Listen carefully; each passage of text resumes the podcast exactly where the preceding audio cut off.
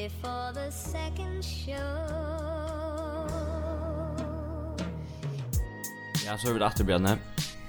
Og vi tar vi vekk i meire enn 20 dager Meir enn 20 dager, ja. Ta, vi tar jo lov at vi skulle komme etter før Skal vi fortelle folk at vi da akkurat sitter og struss vi har få joe og rikka Ja, ja, så vi er lettere irritabel. Vi er rettelig irriteret her mm. um, tøknen er ikke førisk, så vi kunne ikke gjøre føring og skiltene for det her i den føring. Det er ganske godt.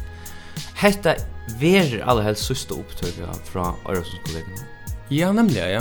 Du... Jeg skal flyta. Ja, som det sast at han fyrir, du fjerna alt, atlantin litteratur. Jeg fjerna alt spår etter meg. Ja, ja. det har vi. Det har vi, ja. Men uh, senast så sa du om, uh, om Klaksvika. Mm.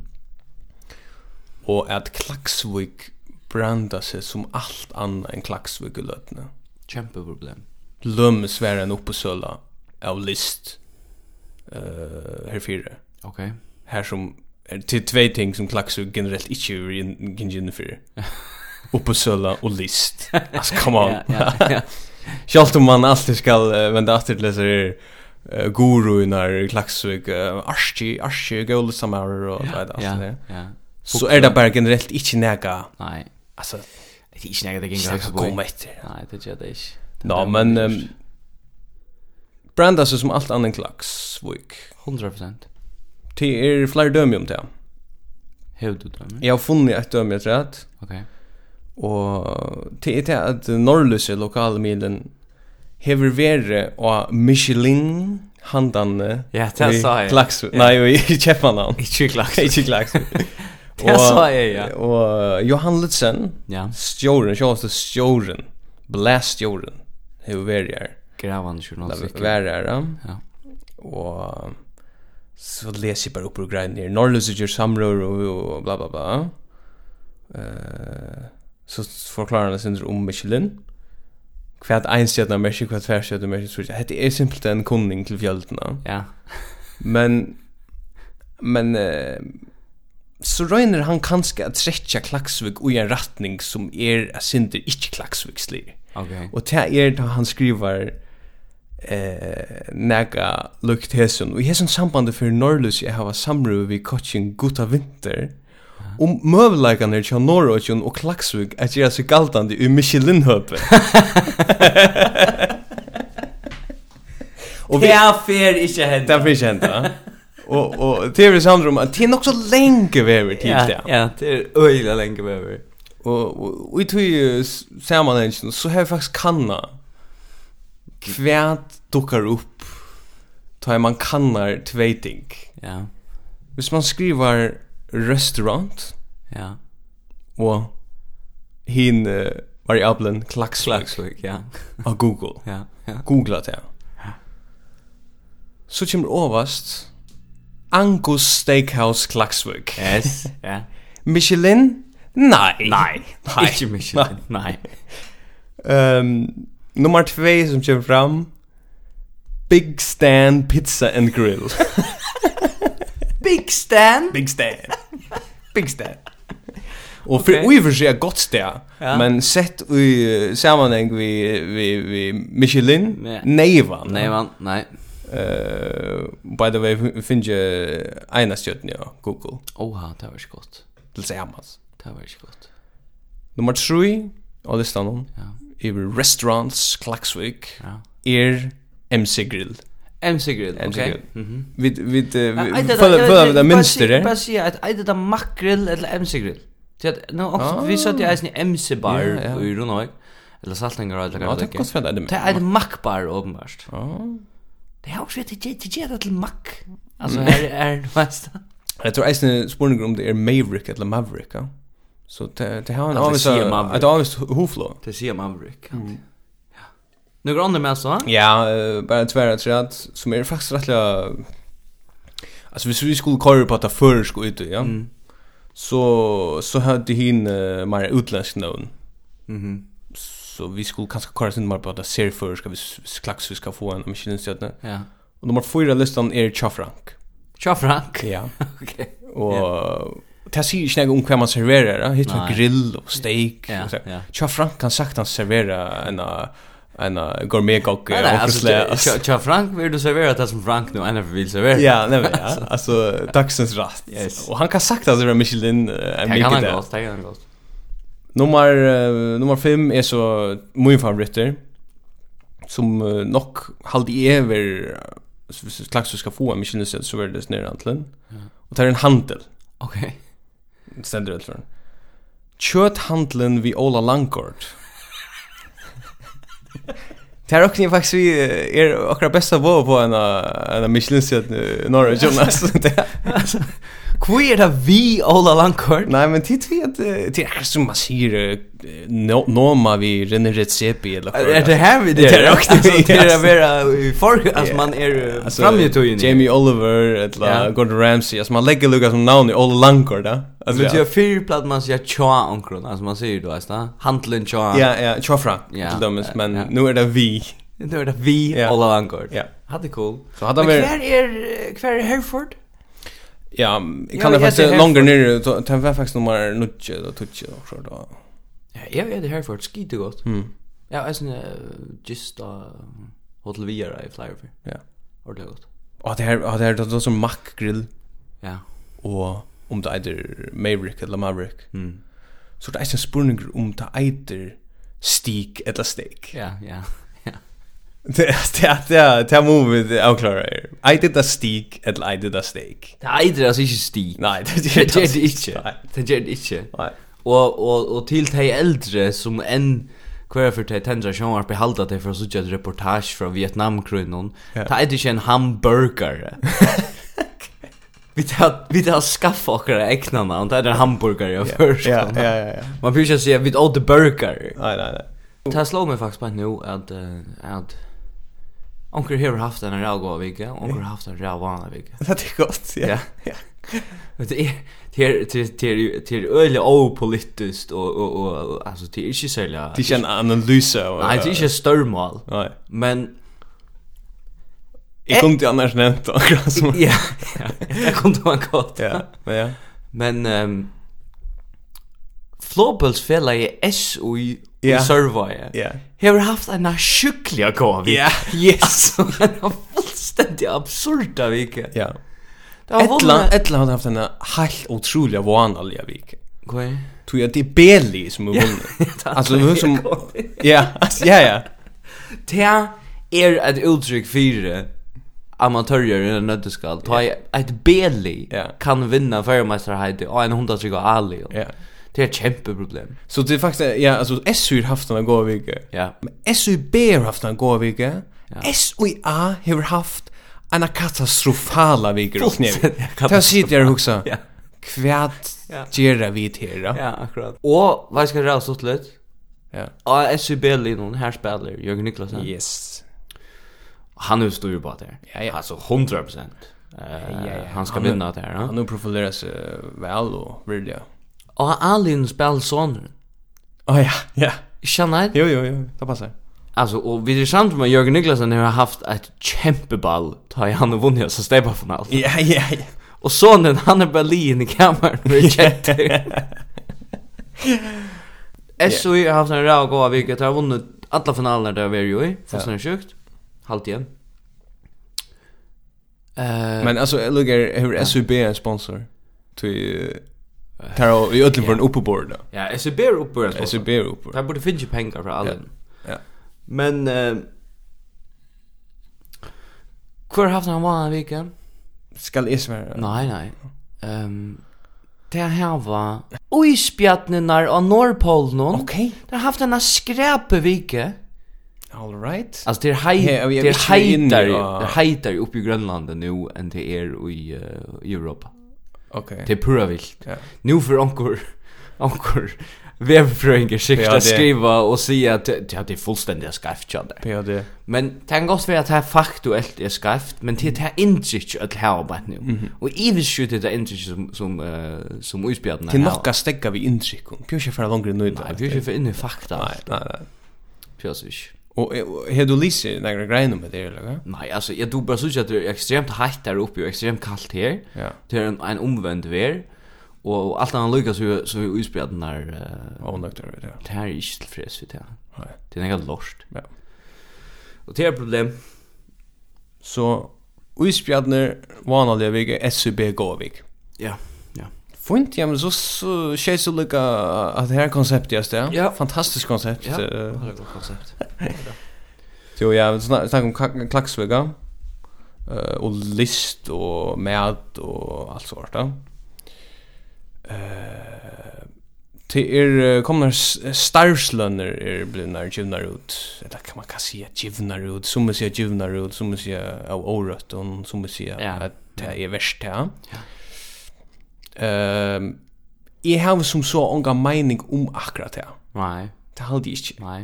Du er at ta, ta kan genga på over, du kan gjøre pengar til et helt ekstremt oproduktivt og vanligt lista folk. Ja. Det kan du. Ja, ja. Jeg sier bare at det ber til. Ja. Og du kan gjøre til noen som gjør dere ordentlig godt. Ja. Sjant.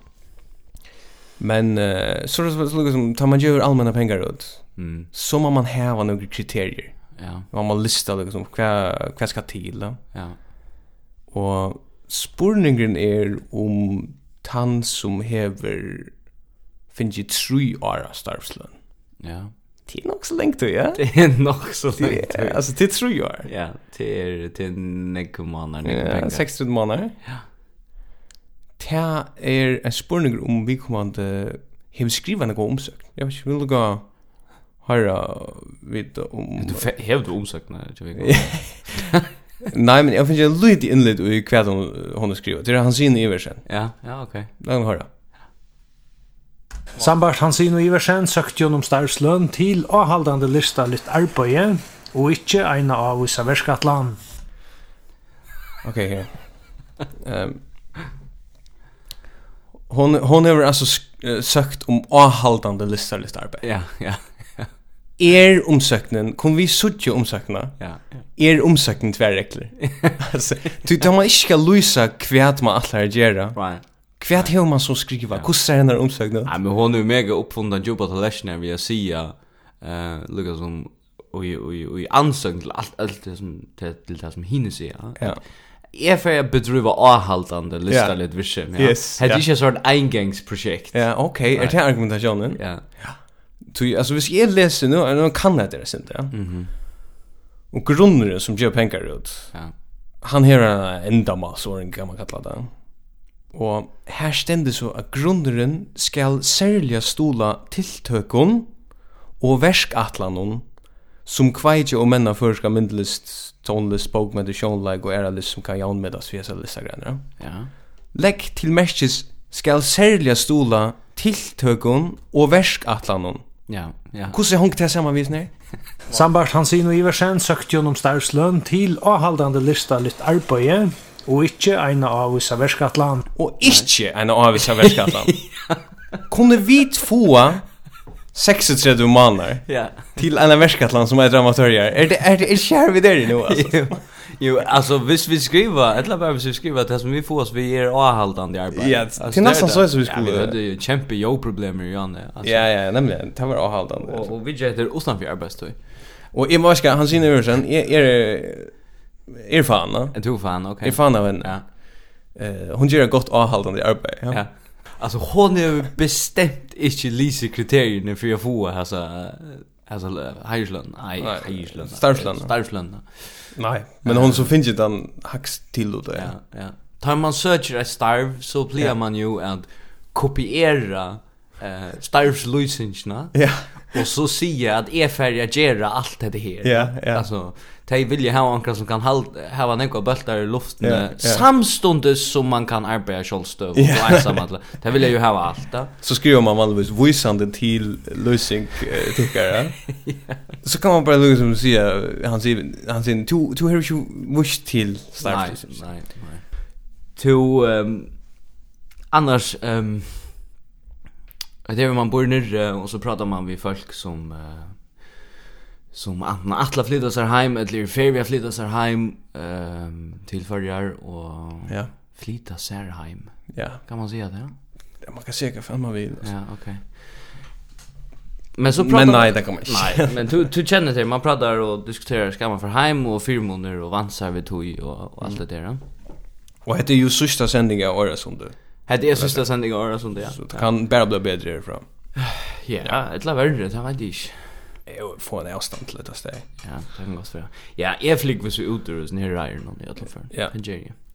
Men ja, hva sier du, flytta hem, ja? Ja, så har man en samråd med folk, og, og så sier man, nå, men hva er alle to har flytta heim, eller hva? Og så sier folk, ja, men altså... Jo, jo, man må fære heim, onko vil jo nødre fære heim, man... Eh, man skal heim og bytja land. ja, ja, ja. Sier det, ja? Yes. Handelsendingen er brukt ofta. Ja, fære heim og bytja land. Ja, ja. Og så er man så, okay, Jeg er, altså, du først heim til Førjar, til yeah. et, et, et vel oppbyggt land. Yeah, altså, det er jo særlig vel oppbyggt. Vi tar infrastrukturen, altså, han er... Han er også det voldsomt. Han er vinner, ja. Vi tar, vi tar, den tredje undersjøa tunnelen kommer kjøtt. ja. altså, en tunnel som fer under kjekkven. Ja, ja. Det er nok så avanseret for 12 000 folk, ja. Yeah. Og og de fleste fer jo heim til ett pura vanligt borgerligt starv. Yeah. Altså de fär yeah. inte heim att vera lökmaver eller eller skolakne eller eller vad det nu vad det nu kan vara. Och kostar. Det för funktionär Ja, alltså du du du för hem och du arbetar Tu fest at arbeida tja kajod hydraulik. Yes, ja. Okay? Altså standard. Tu fest at ja, ja. sitte i kunningarstolen i haun. Eh, sikkert fer 500 folk til kommande åren att få starv till Visit Faroe Islands. Yes. Og så er det middelenleier av strandferslene, yeah. og folk som enda i jærfrøye og føler på gråt og så. Ja, ja, ja. yeah. Det er ikke et bygdeland. det er ikke et land nei. Alltså att arbeta Det er som bor, altså, tunnelene. Yeah. Altså, hans følelse som borer tunnelen inn i Estrødna. Det er som oftast utlendingar. det er NCC, det er norsk fyr, tøkka. Tei bitja land. Tei bitja land. Altså, tei bitja, bokstavlig talt land. Ja, ja, ja. Slapp av det er ikke, ja. Det er ikke en relasjon, det er ikke en sammenhenger i middelen at jeg får heima bitja land og så arbeid milon. Nei, det er det ikke. Det er det ikke. Du arbeider i Milo. Ja, det er, altså, det er fullstendig problematisk at arbeider i Milo, det er jo høver. Altså, det er det är det är det spiritual center utan rusna. Ja ja, det här runt jag alltså absolut inte komma efter här Ja. Man för hem, sitt arbete, för en lön, gräsplänne, asfaltera tun och, och tryckspullar och sånt. Ja. Jag lägger mest när jag säger som månaden. Okej. Du känner det vi man kanske är sån sjukrum bättre nu. Ja. Man kanske hever också krymma plats vi. Ja Men det er ikke så ofte at at det har spjatt ut i, til folk, altså at, at man, at man at får vite at du er sjuker. Nei, nei, nei. Eh undan tidsje, tar man hever et starv som hesen som er tar som nu. Ok. Uh, tui at, ta viser seg at, uh, at uh, ta har vært varspe ut av vi kommande er ikke særlig vel fyrir. alltså okej. Okay. Alltså han han hevde inte gott. Okej. Okay. Alltså jag kan bara jag kan bara spela klipper. Uh, ja. Det det är från Det är just från helt det är från 22 januari. Okej. Okay. Det första klipp. Vi dattla var tosa vi løkmann i det, men han bär sig undan tog han er sjukur. Okej. Okay. Løkmann var sjukur 22 januari. Ja, ja. Eh, så kom vi spola sin framma. Mhm. Så är vi eh frutja den sist. Ja. Och ja, du kan själv räkna det. Vi hade alla kunna ta vi Axel vi Johannes om att men han är rakter av såna härmliga krym och så gång och så han får på och rörande hus någon och døgn och hemma vid hus så han är inte tåkor till samröv och ut det. Nu är det bara mer och mer detaljerat. Nu har han rakt det till helvete som ödler rakt det och han får hem under du Under inne. Ja. du då inne. Han är inte en sån han är inte en typ av som bara sätter sig här och färsar en kopp kaffe och driver av och gör. Han får under du då inne. Ja ja ja. Alltså det är två ting vi är nere. Ja. Det där är luckmar okej. Ja. Han är väl sjukgrej man. Det är inte gott. Alltså han ska inte hemma lägga sig under dynna, han ska han ska till några Ja ja. ja. Alltså kan cannabis hjälpa? Alltså jag menar ja, är det också vi kunde säkert. Är det också vi kunde göra? Säkert. Och och kommer få några ut av Kanada kommer. Och nummer 2 Pjörs man att säga att Leckmar är sjuk. Alltså pjörs man att säga det. Sitta bäst till. Alltså då han inte kan lotaka. Pjörs man liksom utjuba det. Alltså jag har fått bant time att lägga sig och visst vad han fick så en kaffe med natten en temon vi inte för och så fick han så den där kex att han och så. You care? Maveren hever ikkje bruk for at man autoritetsminkar han. Nei, slett altså, ikke. Han er løkk, Maveren. Og öll folk er vi på en fragrang, en forklaring som er Løkmer kunde ikke, du han hei ikke tui. Ja. Du han er løkmar. Ja, ja, ja. du er han bygger land. Yeah, altså, det er han ikke. Det er hans arbeid. ja, ja, ordentlig. Så, så, så vi må alt for en få en bil ut løkman, også. Ja, ja. Ja. Kvann skal vi få ut der? Hvor er... Hvor er Uh, vi må få Paul Vajo ut Ja, Paul ja. Og Magnamor Mag uh, Vi kjenner ikke færen til Deportivo La Coruña Ja, nemlig ja. Men til, Kommer vi være samt om at Man pratar ofta om Hvordan akkurat samfunnet er i oppløsning Og ja. vi har ikke vi kan Vi, vi har ikke vi kan analysere langer Og vi interesserer oss ikke for dem som tenker noen Og Legger ikke ui grannan Kjenner ikke grannan og alt det der Ja, ja två ting. Mm -hmm. Ta och i allt Europa är rakt av en sån kryme som vi där bara nu. Ja. Yeah. Ta prata vid bära om det. Och det är som om man vi kommer näckft hattar. Det är som om folk är ju gränsen till för att öppna sådana soppekökar för pura vanliga folk. Nummer två, ta i väckre stickar som det gör nu. Det är minus 15 grader och så hårt. Ta det akkurat samma effekt.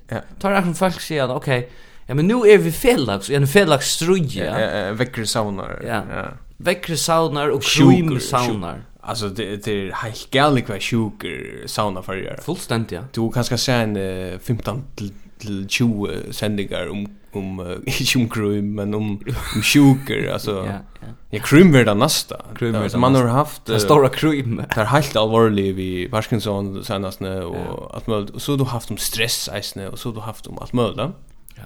Det är något som sauna folk. Det är sauna folk. Att vara sjuk.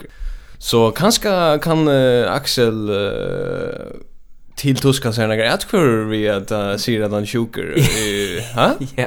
Kanske var det kvar var en dokumentär om uh, Krumer ja, Axel. Han fer på uh, SMS og Facebook nu ligger eisen til till Jerry. Ja, ja. Så han går så spinn doktorn just har gått arbete. Ja. Tack tack. Solid solidaritet. Ja. Hver er for du ikke kan låta jag ska se att du sjuker eller att du helt för kallt. Ja. Så för första jag sa mamma. Man. Alltså akkurat det här upplevelsen jag har vi är ute i folkklubben nu. Att det är nettopp det, man hör ju liksom utvarsfyndet såhär Axel Sjuker, eisen, ja, ja, han är ju lukka som vitt vanlig fast Men han kan inte börja sikta brett, du vet. Axel V. Hansen Lökmar kunde inte låta det, han skulle trickspåla tonen Ja. Så råkar fyrer som ständer.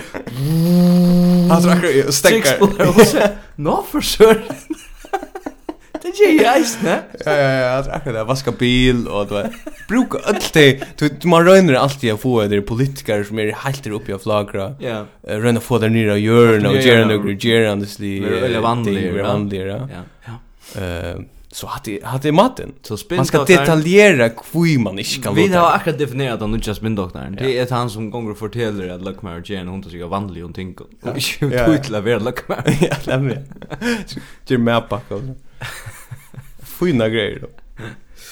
Ja eh jag är i alla fall eh jag kan bara säga bara en i have ränig tillfälle i det. Ja alltså skrev du special eller kan jo som som som just som någon öron så är det väl prokrastinering. Man sitter net någon stäng för. Ja ja. Ja. Så var det lugga som nog helt i att uh, kom fram och är att förjar mm här var finge ein hemsmästare att säga. Okej. Och Jon Halle förjar har finge en hemsmästare och i innerore. Helt helt ja, nämligen. Ja. Og det lag mest där vi där finns det? Ja, ja alltså det tar man haft det för så lag match match där om att du får komma till tur analer hit ett street face du bara. Jo, men jag har lag match där fast. Ehm, jag går Maren Ida Jens Christian Dam. Ja. Som er et godt navn Det är gott namn. Men uh, han er heimsmeister i inneråret. Mm.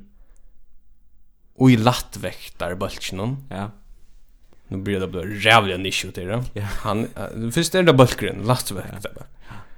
Så är det fyra män. Ja. Så att säga. Mm. Det får en chins uppdelning här. Mm. Mittlen fjörde och nutjo fjörde år.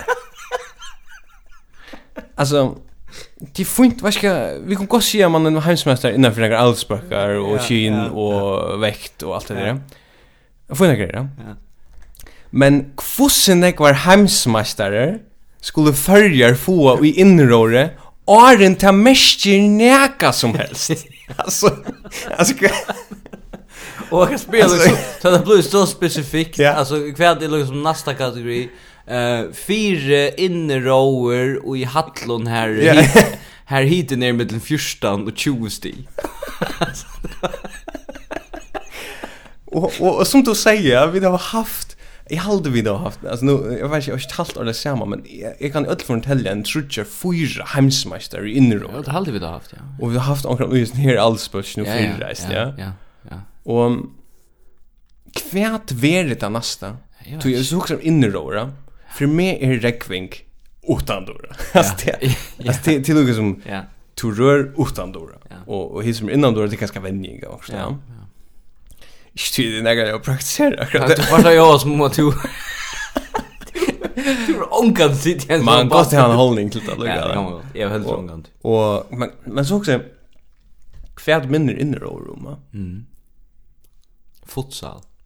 Futsal, ja, kanskje. Sin samme kategori. Ja. Men får vi kanskje en hemsmeistere av rennebandet nast. Hæ? Er det är det inte sånt liknande alltså jo jo. Det är en ränneband och ränna ut. Jo till 100. Kan det själv alltså 100 meter av en ränneband. Ja? Ja. 100 meter. Runga sjukliga kött. Ja, ja.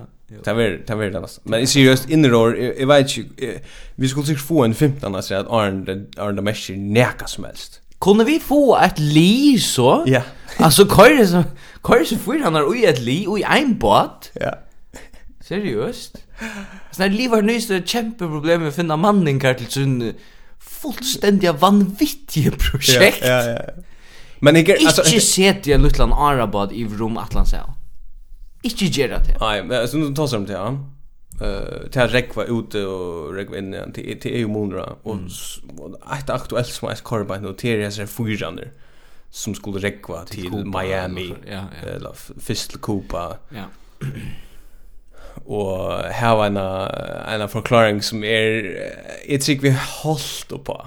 Alltså att här vi uh, vi dörta första som lägger det just innan för sushi är sujan kopa lukas Nei, nei, nei. Här är onker som hur vi ju nej som hur görs det 100%. Alltså som och, inte flashar vet jag. Är er också vi antar här var goa jurister och sån här. Ja, ja. Och det har hukt, det har hukt akkurat som det för som vunnit ett öliga specifikt slag in i Roller VM. Ja, ja. Så har det här vunnit en öliga specifika kapping om Marek och om Atlant Ja, ja. Ja, vi hade Shay Arar sen vi åtta eller. Och jag har faktiskt um, ja, jag har faktiskt gjort en liten klippa. Okej. Men det är inte visuellt på något. Jag jag ställer råder till att skriva du speciellt. Ja, alltså det blir stäligt. Det har vi gjort då, det blir just då. Men så så har vi några visuellt visar där. Okej. Till ett inslag fra, jeg vil mennskje høsten eller frutja den min chakra, her vi, det her en samrøv vi tar. Mm. Tar er komner Alltså Brigitte där där kommer, vet du? Nej, jag hade sagt också, vet inte vad är kommer till Las Palmas Gran Canaria. Okej. Ja. Och och för Det där paus så eller? Ja, ja. Och för i öll så är Las Palmas Gran Canaria en feriod. Kämpeferiod. Ja. Ja. Och tire kommer jävligt stort. Ja. Alltså hvis du husker om hver Gran Canaria er og hver Miami er og og og Cuba. Är likt det.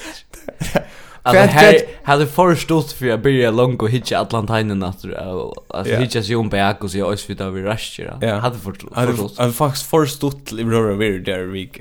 Ja, det var det till next mer där vi. Och tas mig alla visar det är folk kunde kanske show för det där men ehm tar sig det så Eh Ja. Och ja, ankrar ankrar två stjärna motel i Las Palmas. Ja. Och tar dräcka öl. Åh oh, ja. Tar tar så jag rumeliga jag tror jag ska säga. Det Det är attan för er och sen främst. Det är vi har nu han är bara färdig. Han är bara färdig. Han är nu sällan det grisne för nu. Jesus. Det som egentligen visar det här. Ja. Det är klippe her i Sigrun Brand tosa vi nu Sjælendingen. Og okay. hvordan symptomatisk det er for en føring som tosa vi en utlending. Ja, ja.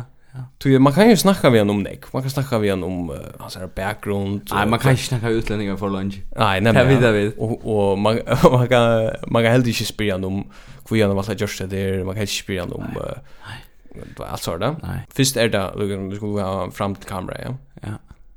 Får vi ta i Ramalje i omkring av hinnon, rekvar noen? Ja, Isaac. Du kan få Isaac New Zealand så kan jag kunde jag kan komma jag från några dagar. Shit, det var rope. Ja. Isaac, they want to ask you how it is a rope with yeah, various guys. Ja. Ja. Hon hon hon är svipad det. Hon vill inte säga att han är challenge. Du jag vill säga att det är två föringar som är att han fyra och en två utlänningar. Hvis du lägger mest till vad hon säger här, vad hon säger, ja. Och han säger hon vill vita hur det är rekva vid föring. Ja, det är hon schakt. Hvis du lusar vad pro lusar efter invändning hon tja tja Sigrun här. Ja, ja. Ja, etla etla. Etla. Ja. Ja. Så blir en skon tog kan kanske konsätta dig på det. Ja, nu kör vi nu sälning i kameran. How are these um, hi? How are these Faroese guys to to be on a boat with so long? Um, no, they're going good. Uh. okay. Vinkelen är lugg som vinkelen är grejer ja. Hon nu tittar han på nu som som han gav en där. Ja, ja, ja, ja. Eh, fuss areas i förringarna det räcker vi, ja. Ja, ja. Till er till han han första spårningen. Ja. Ja. Aren't we are. Ja. Alltså nummer 1 är ju till att att Hvis hvis det här var förfärligt det går vi så har ju han i schack ta i här skit här ja. Alltså det har han i han schack nej alltså menar den idiot men uh, yeah. jag Paul är okej. Ja ja nej men. Och nummer 2 Det er en nekve spurningar man kan spyrja i heimen som ikkje snikva som føringar. Nei, nei, nei. Altså, det pjøvs ikkje alltid over en alva pilkande. Tikk vi, nu sjalen, hei, hei, hei, nekva bera anna enn det, ja. Ja, han er Men, men så, så, så liksom... Ja. Vad helt du vet den asmurn som hon spyr? Om han får vitja fyrir ett lock sort pillbut. You like the dried fish?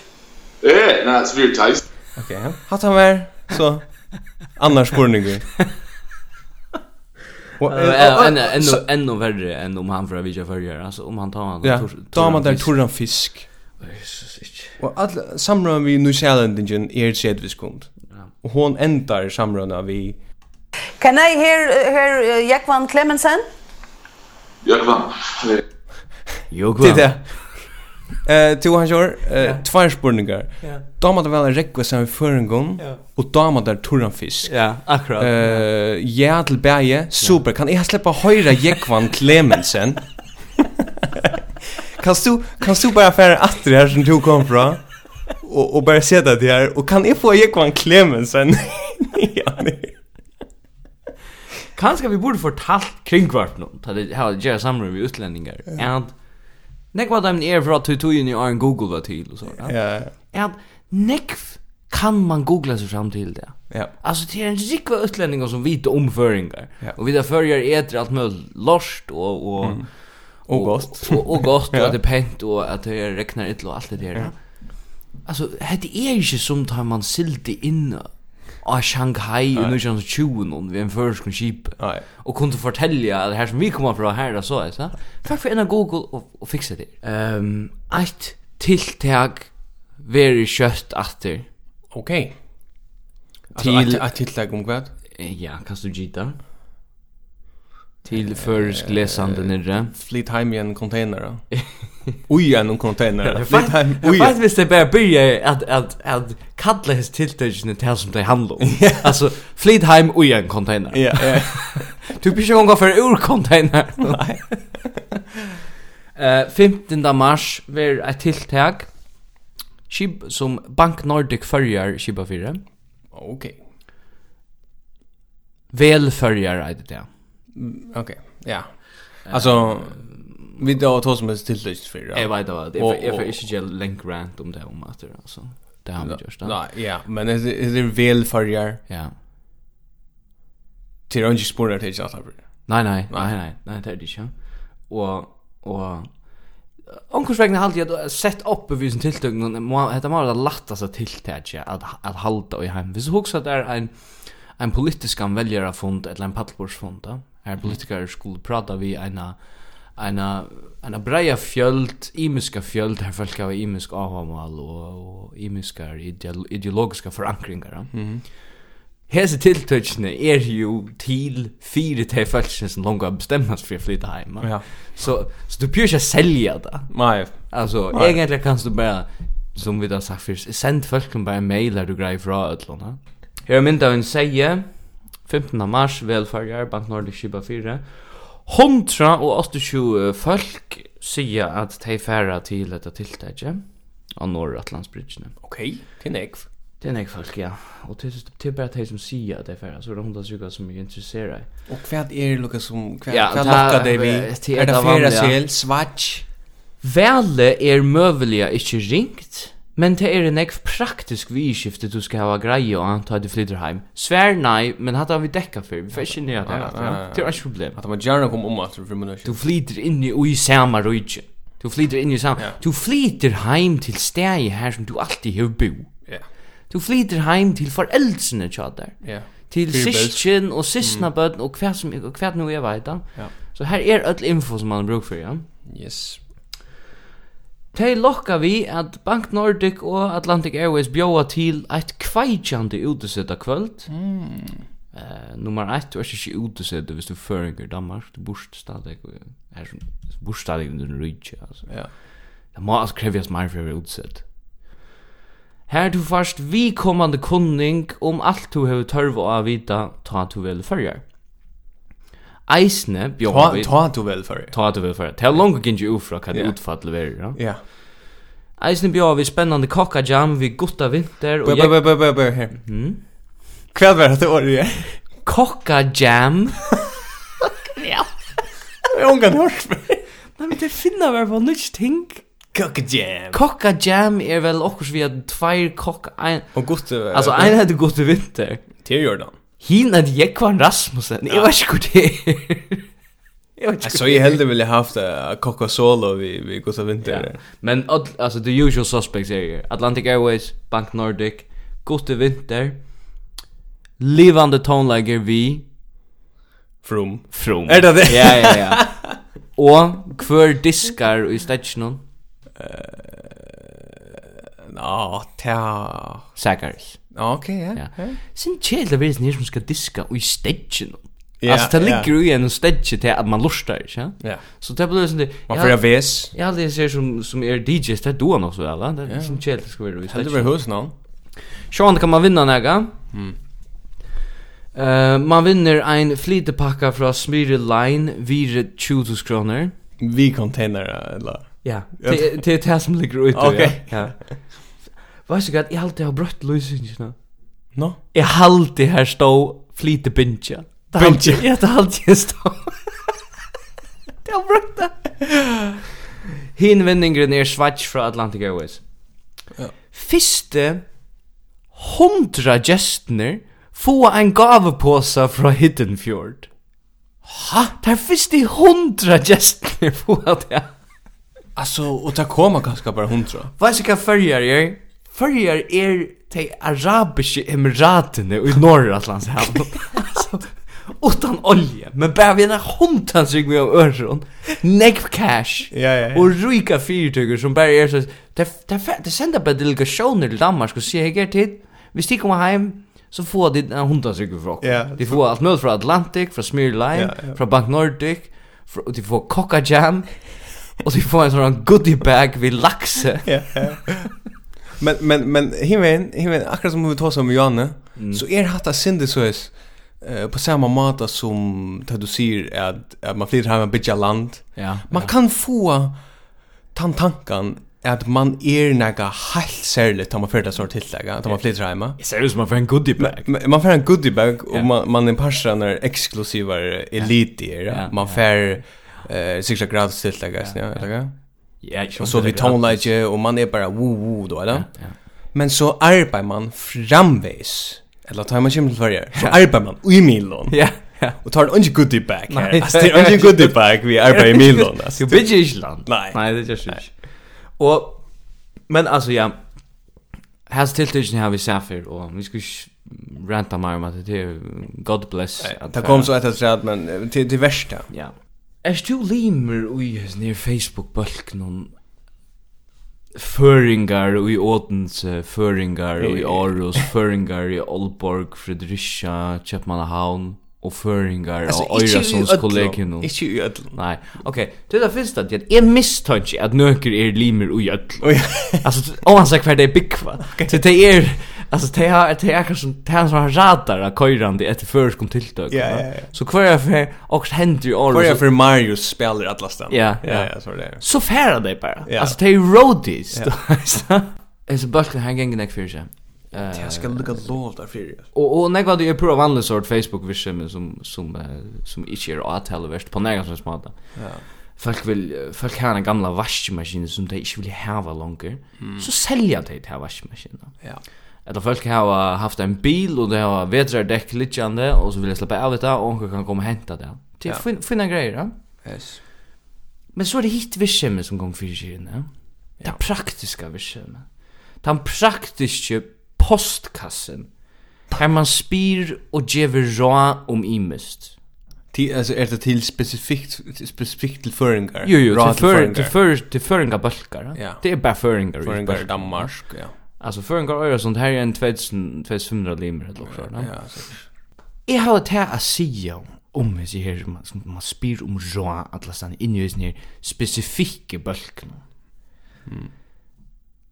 Folk må stegga vi att skriva in här och spyrja om om nekra hur görs nekra rönter vi att alkolka ett brusehött. Eller om nega veit hvert han nærmasta borgerservice er og hos lunge det er og åpe ja, ja. yeah. og om her er ein batna kø eller ein batna avdeling oh, eller, eller hvert han nu kan være ja, ja, ja. og så sort jeg hei vid jeg per som byggve her og i, og i, og i A-blocken. Yeah. Vi da finns en sån grøna spann in vid sån ruskpåsen. Yeah. Skilja till också om bioavfall. Vi da tid nek om till spår. Det är inte det som förrgår vi där gång. Nej, jag har det ikke, Ja. Men altså, for olyckan ikke. Ofta kommer en broschyra via i snö. Ja, ja, ja. Det är pura simpelt. Du kan välja. Du kan välja. Det er förrän kan göra det. Det treffa et vel her, Ja. ja. Vi brukar Google. Ja. Eller någon annan lightmotor. Så kan du hava alla vererna som ser fröjning. Ja. Ettla, vi har brukat sån här bulk så kan jag ha 1500 fermentera jag föring yeah. som ser förhängar. Här av helten er läxan flott att till förr. Och det så det kan gå för men munnar tog ta var brickvin i röra som det kom då är det. Ta tog vi 5A. Ja ja så blir alltså där ja ja. Och så är det onkel som fortäller om Bors du i furnace tree? Här du är nämligen isne. Jag så länk trapp. Och så stämpla öll in som bo här så jag nu kan Ja ja ja. Att det är simpelthen inte det är simpelthen inte rationellt att han för en sån handling. Det är utan till att man helder att föringar alltså som vi då sagt förra yeah, yeah. att föringar är gör. Nej, ja, för er gör. Alltså och, och, och det ligger ju ner. Inte är å gör det, ja. Rajne från förrjun, från förrjun kan eisne, kom vi si i hesson förrjun, till att slä och förrjun halal av. Ja, ja. Tog jag man teker det för en goa vörja. Yes. Det är kosher och det är halal rav. och det är som man fär från kom random danskare. Ja. Nej, det tänker man inte gå för goa vörja. Det är man, det du man inte få på sig. Så förrjungar, ja. Och hata hatta väl välfärjar, och här hesson förrjun, värna förrjar. Mm. Ikke velfærger. Ja seriöst. Väl Google. Väl Google. Ja. Fär ut här. Skit gott näck bra. Ja. Det är så YouTube klipp på sådär. Ange YouTube klippen är klipp nu. Men så här bults nu förringar. Noll. Jag bara jag kan Ja, och att han har att han rant så. Ja. Är här vi klipper. Ja. Och Hetta minnir syndrom til at du hadde seinast vi eh cyklar vi en kväll i riksdagen. Ja. Det är en föringer som är kom upp i Arne ja. som har gjort sig några eller ja tankar och har haft några goda upplevelser i utlandet. Okej. Okay. Eh heter er ur sändningen tja Tor Mikkelsen. Mm. Torja Tore. Eh här han är showman i Island. Okej. Okay. Och här är en kvalpenker vi. Ja. Och han är pissefighter. Alltså han är Kvalbingar är cool. Ja. Och han heter Arnold Evenson. Ja. Gott namn nice, ne? Ja. Eh, han får chips som unge sånger. Ja. Han greier fra Serlion Hendingon i Brettlande og og i arabisk og London sender det. Okej. Mittlanda Libya. Okej. Og hei, hei, jeg må simpelthen spela etter i flere bråten til at uh, Maren Tosso som ordentlig veris mer. Mm. Her tåsar han om sina første røve, og hon vær i Bretland. Og hattar punktet kja mer henta dagen i London, og var inne i Hyde Park. Her öll kunde prøva en talare stål, og hetta var fyrste fyr at jeg kom halda denne røve, jeg får upp på en talare stål og tala i av Kvalbjørn Mali, og vi søgna er om jeg en nekare, det var en myrke med, vil han si det der. Og første vi sett en myrka mann, og jeg var sånn nervøsur men det var så første vi tala jeg, og det var det var altså ikke seneste fyr. Hva er det for en innskotten vi myrke? Det står när han mer står en svart med. Ja, og ja, her står en nekare. Ja, ja. Og Og han røyner å forklare søvn om at han rilsen og första røv i Hyde Park. Mm. Men vel så er såg inn at det var Eisen först för at han sa en nekare. Ja, ja, ja. Hva er det Hva er det det vi sett när jag. Men det är cool att han ställer sig upp och häller den röv och kvalpmål i Hyde Park. Ja, det er Eisen. Ja, men hade så hade så i Bretland, ja, Og vi håller fram i Bretland. Ja, okej. Okay eh het er ikkje bara no bara onkel alltså istället for det där. Nej. Han har opplevd meg, tror jeg. Ja ja. Med landa isne hetta. Og så er det konsert i en uh, hølen her. Jeg hører det til musikker. Og det første jeg första ikke jag til. Det är orkestermännen här och öjligande uh, sucht har. Låg og undrar. Okay. Og ta jeg kom jag till Kvalbjörn. Nu bes man av färg ett hus vid Sojene här är och här ligger en danst av vis in eller en vikeble. Och nu känner jag så männen rätt beina vägen. Och jag kallar råttor där för the battles eller battles alltså ta tigger en jenta till årarna han jag vet sen då frusklir kan stanna smigra sig mer sin in men jag blev slina ner vi synter hon ser det i the battles. Att orkester i the beatles. Okej och till sig jag faktiskt vet till den första turnén jag tjatar Jag vet inte om det så om jag, men jag sa det det är så var säkert. Ja, det går inte. Jag vet inte så om det är så hem där. Nu kommer ganska lite kontroversiellt brott det. Okej. Som är synder alla till vi att kalla folk för nekar. Okej, ja. Men um, nu tar han om konefolk. Okej. Okay. Och han tar sig kanske om till att häva flera konefolk. Ja, okej. Okay. Ja. Og det her er fyra koner hei, som er, kom til å ha fyra koner.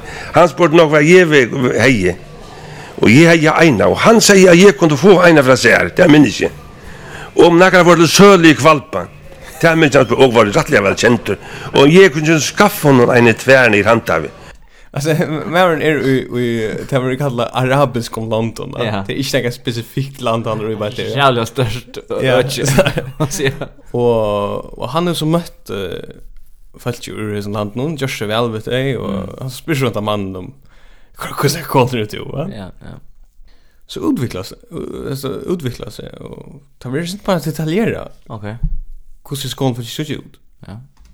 Og vekten skulle vi ikke være gram under 200 pund, 100 kilo. Det er mye enn. Han var mer forfattelen for jokken damer. Jeg spyr i hans jolvande hvordan nok var damer, damer han hever. Han heier fyra, men tver skæra i bort ur. Enda eina var så øyelig as. Han visste bare ofta, han var så ut, altså, Og var en sånn svørtun, svørtun klei og han er i bøyla dævne. Og var heilt av kristelig svær. Alltså det att en kvalbunker er i en arabisk land och kallar en arabisk kone fyrir og kristelige svera. Det er avstått. Det är er avstått. Og, og han, han, han er lukka som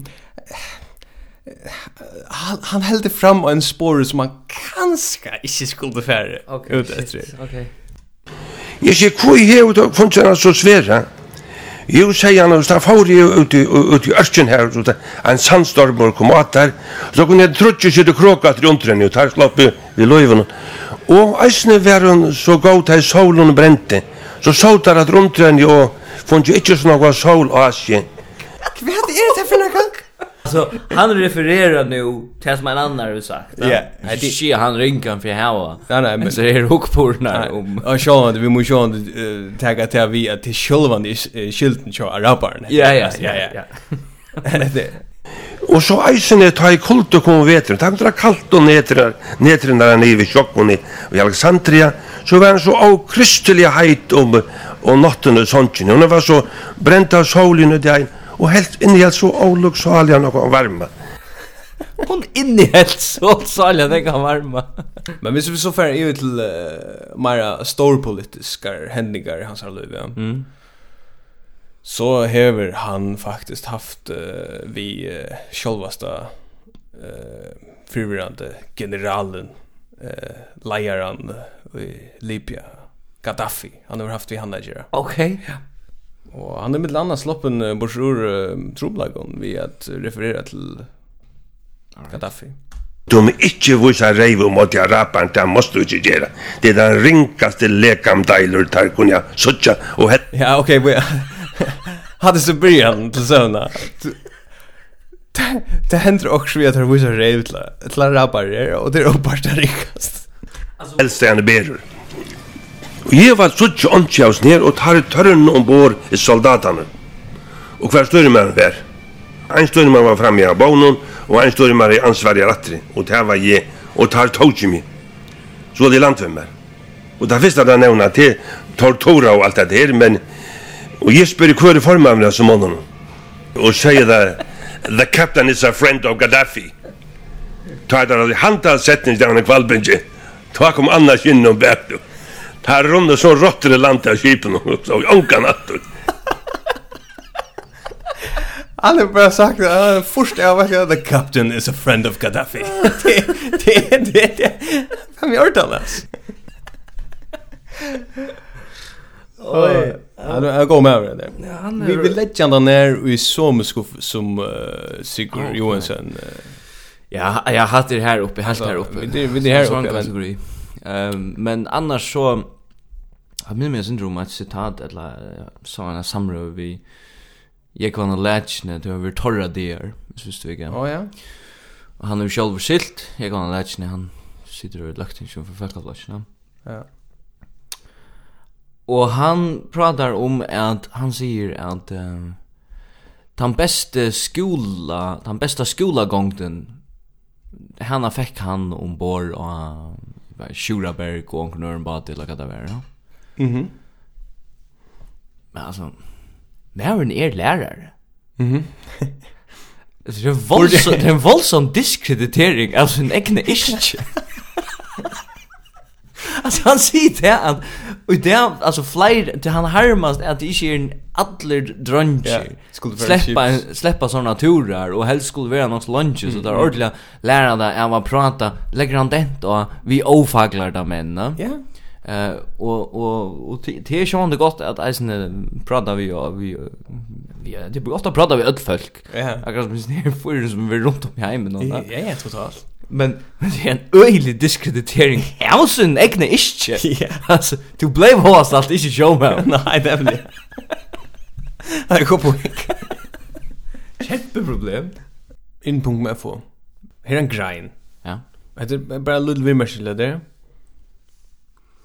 eh uh, en grind som kolvölter allt uh, alla medlemmarna. I beskrivningen är luckreklamar restart just mer line. Ja. Det är ganska sensalt, va? Ja. Är det hänt för kan man ha några fördöme? Mhm. Ta nämna grinden och stum och stum. Nej. Vi stägen. Ja. Nämna grinden. Ja. Hetta.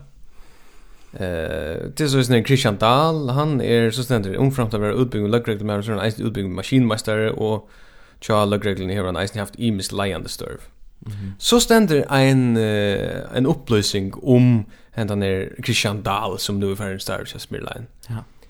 Lökreklamaren i Farlöve, ja. alltså Christian Dahl, som nu är byrjar i Starvicha Smirline, ja. er fötter hin 24. februar i 1935, og ta mestjer at han hever føringar der i morgen.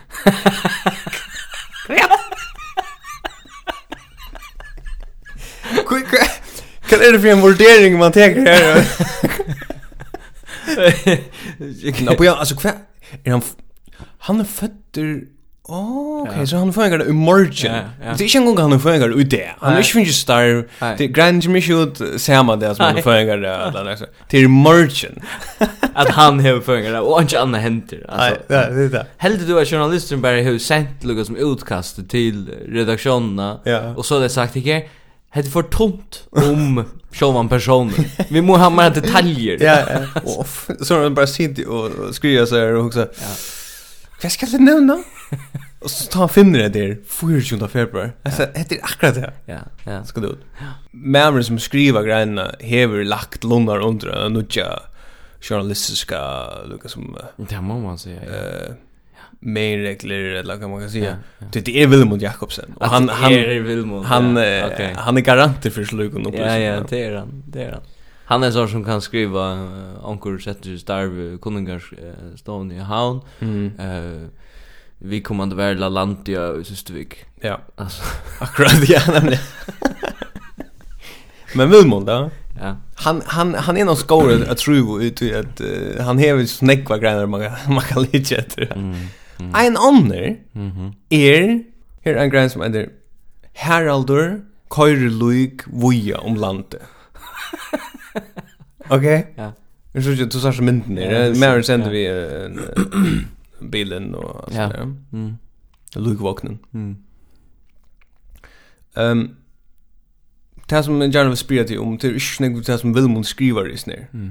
Men Eh, ta stendur så at eh his near Haraldur S Hansen og fyrtøkan sjónum sum er fyrtøkan sjónum sum er seinasta halsan. Og så gott navn. Ja. Ja. Hur gjørs han avtale vi Sørvoks kommune, Vestmanna kommune, Kvøvikar kommune, Sunda kommune, Voa kommune og Ester kommune, ja. Okay. Er hetta? Altså, den er grein der. Og det er visse men just ner Herald. Er detta en kommersialisering av tui at dodja? Ja, det är det. Ja, 100%. Hva hender her? 100%. Hva skjer her? 100%. Og er, er, er, kan man kan man si at det er Luke er samla och få få en honton Er, nu. Är det ganska så så vi skulle vi skulle gång at... att en Luke Courage är nu skiban. Ja, det Er det. Det er det. Er det her det er? Öll loik skulle jo om først kan kajka.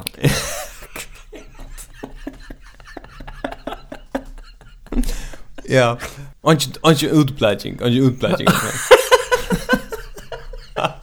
Ongi utbladging. Ongi utbladging og... og Ja. Vad annat kan man nämna här alltså. Att Luke skulle ju upp på Sölle. Upp på Sölle, jag tänker gott för ja. Men det är ner här, det han är sen skönlig så här alltid. Så tycker jag alla som har just outside vi kommuner. Men visst nu man skulle just en sån Luke Haringa reform. Mm. Helt det så att Harold har svära. Nu är han en av de stora aktörerna, en helt fave. Ja. Som är i så branschen, ja. Ja. Helt det så hans höringar svär till uppskott om ny om uh, nyskiban innan för Ja. Hej värre att um, att uh, för måste vissa men för åkra vissa men så är det öle avgörande at uh, vinnaren hur trycka karmar. och vi att vi kunde göra längsiktiga oilöver. Yeah. ui såna Volvo bilar som är här men ja, det är det. Alltså man kan också öll för en säga att att Lukoringa Ja. Det är inte så alltså det är inte så jävla stor turver att göra längsiktiga atlaner. Så det är rättliga säkert jag för att dodge. Ja, det är det. Det har kanske bruk för att köra lite. Det är det. Alltså man kan ju ens för att till bära lite tack man. Uber kom det just att det här är. Alltså hade er ju en vinnare som fiskvinnare. Auto har ju på det. Auto. Auto är för det. Det är mitt gjort. Han är för inne sig. Yes. Nu jag vinner mig lägga. Men ehm så det är spårning om man ska förbli en kodskipan eller Ja, det är det. Du vet. Eller lukkoringar där.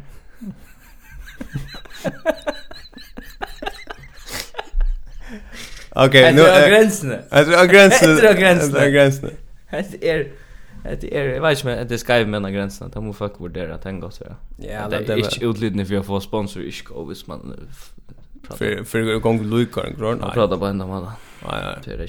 Tär här vi stadväck inte finche. Nej, nej. Flobos fella Mjölnir mm. har sponsor. SUB. SUB skal ha sponsor. Skal ha sponsor. Hvis det ikke har, så skulle det ha. Det er sant, tror Jeg alltid at uh, det kommer så snøglunda brett. Jeg har jeg enda vi en klippe. Ja, det er bra det. Og det er uh, samband vi uh, Jaitan. Som ah, ja. Latin. Ja. Og jeg alltid jeg vet enda bare vi åren tja Sigurd Danielsen fra det vi ikke gjør. Her som han liksom ger en uh, lektion och hur man ska leva mm. kommande år. Mm, ja. Så ser vi vi tar oss att det bye. Farvel. Akkurat nu är June vi är dräcka. Vi är där. June dräcka röja snusa eller socker och flammer. ta i aktar.